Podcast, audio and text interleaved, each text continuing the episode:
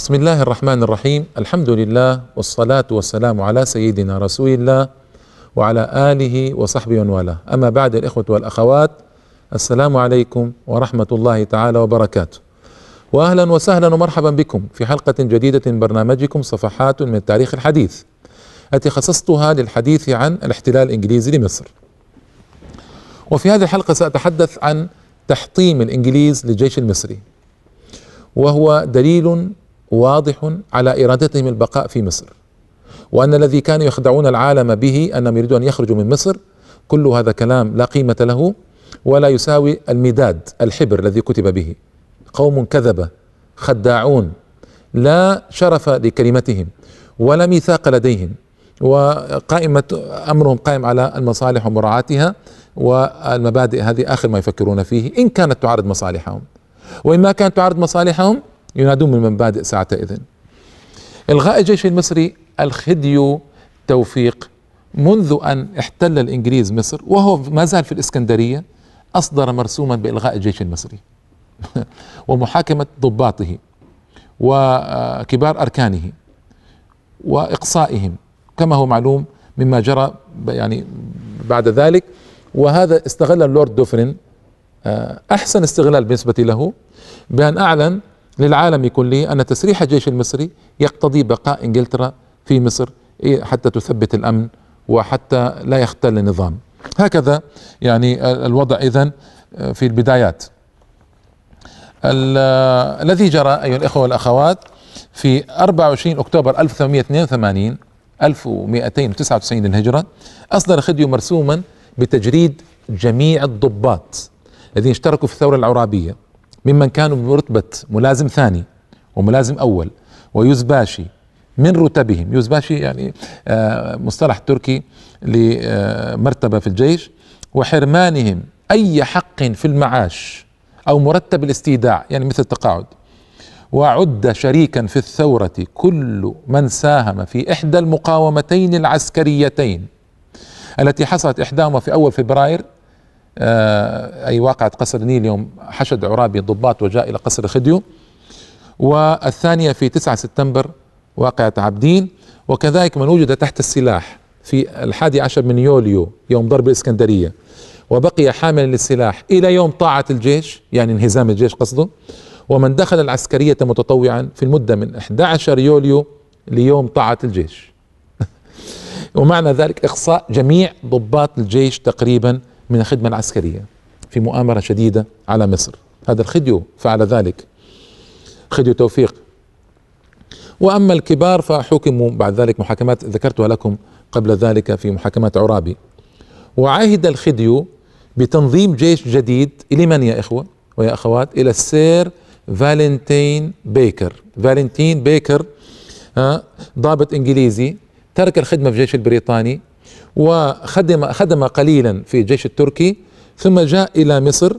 فلما تم احتلال مصر استدعاه جنرال ويلسلي القائد العام للحملة على مصر والسير إدوارد مالت. إدوارد مالت هذا القنصل العام البريطاني في مصر وعاهد إليه مهمة تنظيم الجيش المصري لهذا الرجل.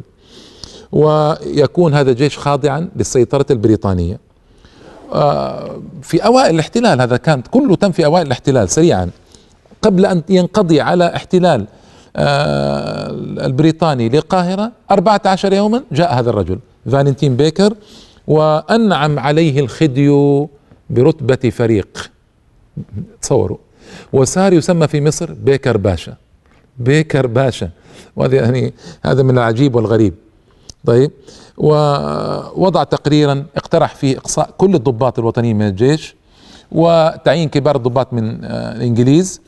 والغرض من هذا النظام طبعا مسخ روح الشهامة والرجوله في الجيش المصري وجعل آه، الكبار الجيش المصري من الضباط الإنجليز ليكون أداة مسخرة في يد بريطانيا ومنفذا لأهدافها في مصر بشكل واضح وواضح آه، جدا. آه، بعد ذلك في 16 يناير سنة 1883 يعني تقريبا سنة 1300 هجرية أصدر خديو توفيق مرسوما آخر بتعيين السير إيفلين وود أحد قواد الحملة الإنجليزية سردارا عاما على الجيش المصري في في مصر سردارا يعني قائدا عاما. ورئيسا لأركان حربه مع الإنعام عليه برتبة فريق. فصار يسمى ود باشا ود باشا. لأن أي فريق يصل إلى يعني أي عسكري يصل إلى رتبة فريق يعني ينعم عليه برتبة الباشويه وهو أول سردار إنجليزي للجيش المصري. وظل هذا المنصب محصورا في قادة الإنجليز طوال مدة الاحتلال تقريبا. آه طبعا آه، كلام طويل يعني في هذا الباب. آه الإنجليز بكروا اذا في السيطرة على وزارة الحربية ووضعوا يدهم عليها. واختار جنرال وود أو وود باشا آه، طائفة من الضباط الإنجليز لقيادة معظم فرق الجيش من آه، آه، مشاة ومدفعية وفرسان وأركان حرب. واستلم عمر لطفي باشا وزارة حربية منذ أن أعلن الخديوي عصيان عرابي وعزله. استلم عمر لطفي باشا محافظ اسكندرية آنذاك واحد أركان الحزب الوطني من قبل ممن باعوا القضية وانحازوا إلى الخديوي والإنجليز. استلم وزارة الحربية فصار ألعوبة في يد الإنجليز لا قيمة لهم لا يعارض أي قرار في وزارته. ما, ما له أي قيمة. مجرد هو اسمه وزير حربية اسمه عمر لطفي باشا. ومهمته أن يصادق على القرارات التي تريدها الإنجليز فقط لا غير. أما القيادة العملية للجيش المصري فكانت بيد الإنجليز. هذه نقطة مهمة. آه طب اقترح أيضا باب تحطيم الجيش. اللورد دوفرين اقترح إنزال الرقم الجيش المصري إلى ستة آلاف شخص فقط إلى ستة آلاف يعني فرد فقط لا غير ومن الجنود والضباط. وبلغ عدد ضباط الإنجليز الذين تولوا قيادة الجيش وإدارة شؤونه خمسة وسبعين ضابطا عدد ضخم وكبير جدا خمسة وسبعين ضابط وهم كبار الضباط ويستلمون كبار مفاصل إدارة الجيش المصري. وأقصي الضباط المصريون عن قلم المخابرات عن كل إدارات الجيش المهمة وأيضا وكانوا أيضا المناصب الوسطى لا يولى فيها المصري إلا إذا ضمن إلا إذا ضمن ولاؤه تماما للإنجليز وللقواد الإنجليز والاحتلال البريطاني. إذا بدت منهم أي روح وطنية دع عنك إسلامية قلت لكم إسلامية هذه ما ظهرت هذه بعد في مصر آنذاك هذه الروح. إذا ظهرت أي روح وطنية لضابط فجزاؤه الإحالة على الاستيداع يعني مثل التقاعد الآن آه، وبذلك مسخ مسخ الاحتلال روح الجيش ونزل به إلى مستوى يعني منحدر منحدر عميق من الضعف والمهانة والاستكانة والولاء للإنجليز. وأدخلوا نظام البدل. هذا النظام عجيب. كل من لم يستطع أن أو من لم يرد أن يدخل الجيش من المصريين فله أن يدفع بدلا عوضا غرامة سميها ما شئت من أجل أن آه، ألا يدخل الجيش وأن ينفك من أسر آه، الجندية. هكذا. فإذا من بقي في الجيش؟ بهذه الحيلة الإنجليز قوم مخادعون لأبعد الدرجات ويخططون ببطء عجيب كما يقولون بطيء لكنه أكيد. هذه قاعدة عندهم بطيء لكنه أكيد سلو باتشور يعني بدأوا يعني يخططون تخطيطا عجيبا وعجيبا جدا. لأجل آه، وصول مراميهم ومقاصدهم. طيب إذا كان كل آه، من لا يريد الجندية يدفع عوضا من سيدفع العوض؟ القادر. من سيبقى في الجندية؟ الفقراء الفلاحون المعدومون المساكين الذين يملكون شيئا. اذا سيبقى في الجندية كل ضعيف مهين آه غير مثقف. ليس لأن التثقيف والتعليم سيأتينا إن شاء الله تعالى أنه آه، كرومر في مصر منعه إلا على القادرين ومنع شيء اسمه التعليم المجاني. فصار اذا آه، الفلاح والفقير في مصر يعني غير متعلم وصار هذا هو الذي يدخل الجيش. فإذا الجيش من آه، سيطر عليه أو من كان هو عماده كان عماد كان عماده الفلاحين والفقراء والضعاف وغير مثقفين والأميين. الذين لا يملكون أنفسهم شيئا وسيطر عليهم الإنجليز سيطرة تامة. الشغل آه، عجيب وماكر لكنه يتم كل ذلك يتم ونحن بعيدون كل البعد عن وعي به وفضلا عن مقاومته والوقوف في وجهه. آه لم يعد في البلاد سوى مدرسة حربية واحدة بالقبة. بلغ عدد تلاميذها مئة تلميذ فقط. وكان عدد المدارس الحربية في عهد إسماعيل تسعة تسعة مدارس تسعة مدارس عهد إسماعيل. آه، بقيت مدرسة واحدة يعني بعد آه، الاحتلال الإنجليزي لمصر. وكان عدد التلاميذ في تسعة مدارس أكثر من ألف أو قرابة ألف ومئة تلميذ.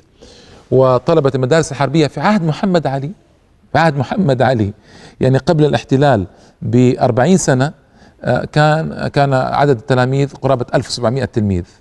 ليهبط العدد في أيام الإنجليز إلى 100 شخص فقط لا غير. انظروا لتحطيم الجيش كيف يحطم الجيش بهذه الطريقة. وصار آه، يؤخذ للمدرسة الحربية في عهد الاحتلال الأشخاص الراسبين في الشهادة الابتدائية أو من السنة الثالثة بالقسم الابتدائي وقليل من حملة الشهادة الابتدائية قليل من حملة الشهادة الابتدائية. فهبط مستوى الضباط في العلم والكفاية. وفقد الأمل إلى وقت بعيد مستقبلي في أن يكون لمصر جيش قوي محترم واع يقوم بالمناداة بحقوقها والمطالبة بجلاء الإنجليز عن مصر. يعني خطط وخطط خطيرة وخطيرة جدا لتحطيم الجيش. آه سأذكر لكم حقيقة بعد الفاصل يا إخوة الأخوات آه بعض القضايا الأخرى المهمة جدا في قضايا محاربة الجيش المصري. فابقوا معنا. جزاكم الله خيرا.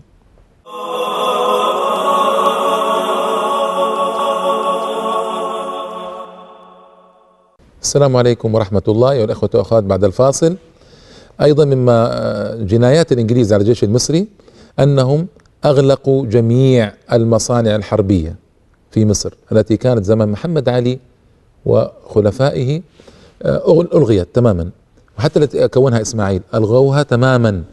وصار اعتماد الجيش المصري على الذخيرة تأتي من إنجلترا على الآلات اللي تأتي من إنجلترا. ألغي. وطبعا من مصلحة أي استخراب أجنبي احتلال أجنبي أن يبدأ بإلغاء المصانع. الوطنية بإلغاء المصانع يمكن أن تشكل خطرا عليه ولو بعد مئة سنة يلغيها جميعها. ألغيت جميع الترسانات التي أسست في عهد محمد علي وإسماعيل لصب المدافع وصنع البنادق والذخائر. إنا لله وإنا إليه راجعون. تراجعت البلاد يعني آه، قبل ستين عاما من تلك الحوادث الإلغائية في مصر كانت تصب المدافع وتسبك في مصر. بعد ستين عاما تلغى وتستورد من إنجلترا. وبيعت آلاتها وأدواتها بأبخس الأثمان. وصارت مهمات الجيش وذخيرته تشترى من إنجلترا. وبالجملة جردت مصر من كل قوة يمكن أن تدافع عنها.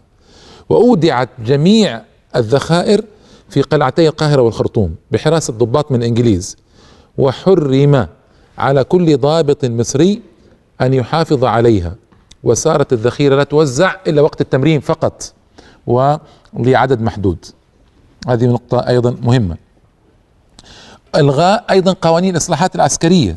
أصدر الخديو توفيق مرسوما بإلغاء القوانين التي صدرت آه، قبل سنة من الاحتلال وهي القوانين التي طالب بها العرابيون. تذكرون العرابيون ثاروا من أجل قوانين طالبوا بها في ترقية الجيش والمساواة وقضايا الأموال والرتب والرواتب إلى آخره. والامتيازات وتقاعد كل كل القوانين هذه ألغيت بمرسوم من الخديوي وقانون إصلاح قوانين إصلاحية كانت وثار عرابي من أجل من أجلها لكن ألغيت. وقام الإنجليز بإلغاء البحرية المصرية إلغاء البحرية المصرية التي اهتم بها إسماعيل من قبل ليعود بها إلى ما كانت عليه محمد علي. و آه، يعني آه، كان إسماعيل قد أعاد إليها نشاطها ولان عباس أهملها. عباسا الأول أهمل البحرية المصرية والمصانع المصرية وذكرت ذلك في حلقة عباس ما أعيده الآن. فكان أعاد افتتاح آه، دار الصناعة بالإسكندرية ترسانة وأحيا معاملها ومصانعها. عاد إليها بعض النشاط الذي كان زمن محمد علي هذا في زمن خديو إسماعيل وذكرت ذلك في مزاياه في حلقة مزاياه. وأنشئ بها بعض السفن الحربية في عهد ولاية عبد اللطيف باشا ثم شاهين باشا للبحرية المصرية. وباسم الأول منهما والثاني بنيت آه، بارجتان في مصر. واوصى الخديو يعني إسماعيل بصنع عدة سفن حربية مدرعة في ترسانات أوروبا.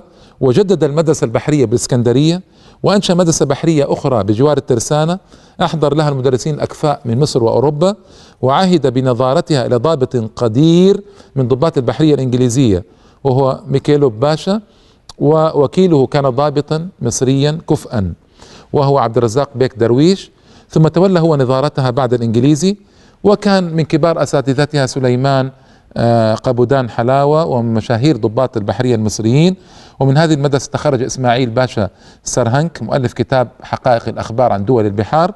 وناظر المدرسة البحرية والبوارج آه، انشئت وكذا. كان عددها في زمن إسماعيل ثمانية عشرة بارجة آه، وسفينة حربية. عدا ثلاث سفن حربية أخرى كانت مخصصة لركوب الخديو وحمايته. فلما وقع الاحتلال كل ذلك اضمحل وأعدم وذهب.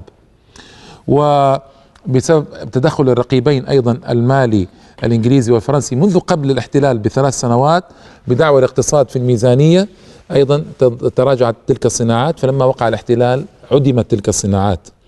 وقررت الحكومة بعد الاحتلال بسنتين آه، آه، أن تقصر البحرية المصرية على بعض السفن القليلة. اسمعوا وبيعت السفن الحربية الأخرى أو حطمت تصوروا دولة تحطم سفنها الحربية البحرية بأيديها بيديها وبيع أو حطمت وبيعت أجزاؤها وآلاتها قطعا بحجة عدم صلاحيتها ثم بيع الباقي من الأسطول تدريجا حتى لم يبقى منه سوى يخت واحد لركوب الخديو توفيق كانوا يسمونه المحروسة فقط لا غير. وعطلت الترسانة البحرية بالإسكندرية وبيعت أدواتها وآلاتها ومهماتها وأصبحت أثرا بعد عين. وألغيت المدرسة البحرية التي كانت بالإسكندرية. وعطل الحوض الحجري المعد المعد لإصلاح السفن بالإسكندرية هذا يسمى الحوض الجاف الآن. وبيعت الآلاف الآلات التي كانت معدة لإخراج المياه منه. ويعني كلام. وكذلك حوض السويس مع المعامل البحرية التي كانت بميناء إبراهيم بالسويس. وألغيت البحرية الحربية إلغاء تاما ألغيت إلغاء تاما. أما البواخر النيلية فقد غرق غرقت أو تحطمت بفعل الثورة المهدية في السودان ثورة المهدي مشهورة. وبيع البعض الآخر لشركة كوك الإنجليزية. وبقي النزر اليسير تابعا لوزارة الأشغال. وأحيلت ترسانة بولاق على هذه الوزارة فأخذت في تصفية بواخرها وبيعها. إلى آخره وألغيت البحرية التجارية أيضا كما ألغيت البحرية الحربية. هذا الذي جرى بالنسبة للجيش المصري. ولما اطمأنت إنجلترا لمركزها في مصر أخذت تنقص من عدد جيش احتلالها تدريجيا. فقد كان في إبان الحرب العرابية مجتمعا من إنجلترا ومن الهند ومن هنا ومن هنا كانوا قرابة خمسين ألف. هبطوا إلى العدد هبط إلى اثني عشر ألفا في السنة نفسها وكان يتولى قيادته الجنرال أليزون. وبعد شهور خلفه الجنرال ستيفنسون نقص عدد الجيش إلى قرابة سبعة آلاف ثم هبط إلى ثلاثة آلاف ولم يزد هذا العدد عن ثلاثة آلاف طوال السنوات العشر الأولى للاحتلال. ثلاثة آلاف فقط يتحكمون بمصير مصر وعدد سكانها كان قرابة ستة ملايين آنذاك ويتحكمون بمقدراتها وثرواتها ومستقبلها وسياساتها واقتصادها وتعليمها وأوضاعها كلها. ثلاثة آلاف جندي فقط وهذا هو رمز السيطرة البريطانية على مصر. يقول اللورد ميلنر في كتابه إن وجود اسمعوا هذا مهم ومهم جدا لما فيه من بيان استهانة الإنجليز بالمصريين إن وجود إن وجود طابور واحد من الجيش الإنجليزي يعطي لنصائح القنصل البريطاني العام وزنا لا يكون لها بدونه لا يكون لها بدون هذا الطابور. ولا جرم أن سحب جنودنا من مصر يعرض نفوذنا فيها للاختلال للاختلال. ماذا يريد هذا أن يقول؟ يريد أن يقول يعني هو كتب تقريرا سيأتي ذكره إن شاء الله تعالى يحرض الحكومة البريطانية ألا تسحب جنودها من مصر وأن وجود طابور واحد يعطي لنصائحنا القيمة. يعني يحول النصيحة التي مجرد نصيحة إلى قرار ملزم للحكومة المصرية عليها أن تنفذه شاءت أو أبت. وبعد أن تخلصوا من الجيش المصري تحولوا إلى جهاز الشرطة وأصدر الخديو مرسوما في 8 يناير سنة 83 و800 وألف يعني سنة 1300 هجرية تقريبا بتعيين السير فالنتين بيكر مفتشا عاما للبوليس وقومندانا عاما للبوليس. يعني أكبر مركز في البوليس المصري كان بيد فالنتين بيكر وسمي بيكر باشا بعد ذلك. فصارت قوات البوليس في القطر المصري تحت سيطرته وهكذا تم الانجليز السيطرة على الجيش المصري وعلى الشرطة المصرية على البحرية المصرية على الذخيرة المصرية يعني تحكموا في مقادير البلاد العسكرية يعني من كل جوانبها من كل جوانبها تحكموا فيها وهذا كله صار ولم يمضي على الاحتلال البريطاني سوى أربعة أشهر فقط. يعني كانوا بطيئين في إجراء بعض الإصلاحات في قضايا في قضايا المالية في قضايا التعليم في قضايا آه، الصحة في قضايا الميزانية. كان عندهم بطء عام يعني في تعديل الأمور لصالحهم. لكن في الجيش انظروا أربعة أشهر وقضي الأمر. طبعا هذا كله منقول أيها الإخوة من آه، آه، جرائد رسمية جريدة الوقائع المصرية. وهي جريدة رسمية. جريدة يعني هناك جريدة كانت رسمية في مصر. مثل مثلا جريدة الجوائب في تركيا. مثل جريدة أم القرى في السعودية. هناك جريدة مصرية اسمها جريدة الوقائع المصرية. وفيما أذكر والله أعلم أنا ما زالت يعني فيما أعلم أنا ما زالت تصدر إلى الآن. هذه جريدة مصرية رسمية اسمها جريدة الوقائع. كل هذه الأخبار ذكرت فيها. طيب لسان يسأل أين المقاومة؟ أي مقاومة؟ إذا كان كل الضباط من رتبة ملازم أول جردوا وأخرجوا من الجيش. وأدخل إلى الجيش الأميون وأدخل إليه فلاحون والفقراء والضعاف. من الذي سيقاوم؟ من الذي سيقاوم؟ إذا تمكن الإنجليز في الأيام الأولى أو الأشهر الأولى من الاحتلال من تحطيم الجيش بالكامل. تمكنوا هذا الذي ذكرته الآن ولخصه لكم. في الحلقة الماضية ذكرت الجرائد. تمكنوا من السيطرة الإعلامية على مصر إن صح التعبير تماما. وتمكنوا من السيطرة الحربية والعسكرية والبوليسية الشرطة يعني على مصر.